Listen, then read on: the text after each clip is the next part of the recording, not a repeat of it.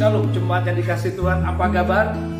Salam sehat dan selalu bersemangat karena Tuhan menyertai kita Renungan harian saat ini saya ambil dari kitab Yakobus pasal 1 ayat 5 sampai 8 yang berbunyi demikian Hendaklah ia memintanya dalam iman dan sama sekali jangan bimbang Sebab orang yang bimbang sama dengan gelombang laut yang diombang-ambingkan kian kemari oleh angin. Orang yang demikian janganlah mengira bahwa ia akan menerima sesuatu dari Tuhan. Sebab orang yang mendua hati tidak akan tenang dalam hidupnya. Amin.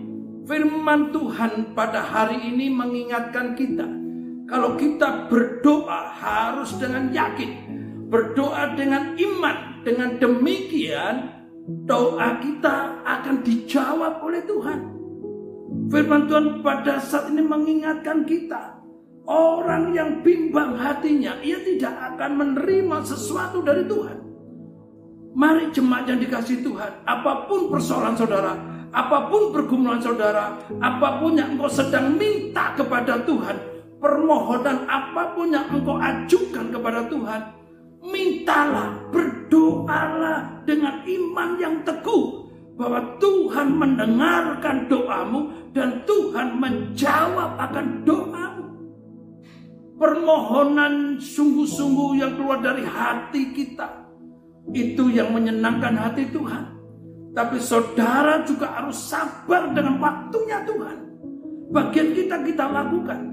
Kita percaya hanya Tuhan yang sanggup menolong kita kita jangan bercabang hati hanya kepada Tuhan kita percaya, hanya kepada Tuhan kita berharap, hanya kepada Tuhan kita berdoa, memohon pertolongan Tuhan.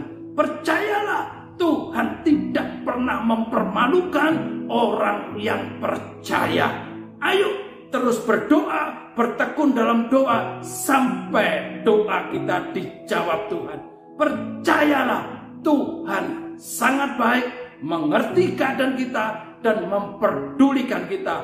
Tuhan tidak pernah meninggalkan kita.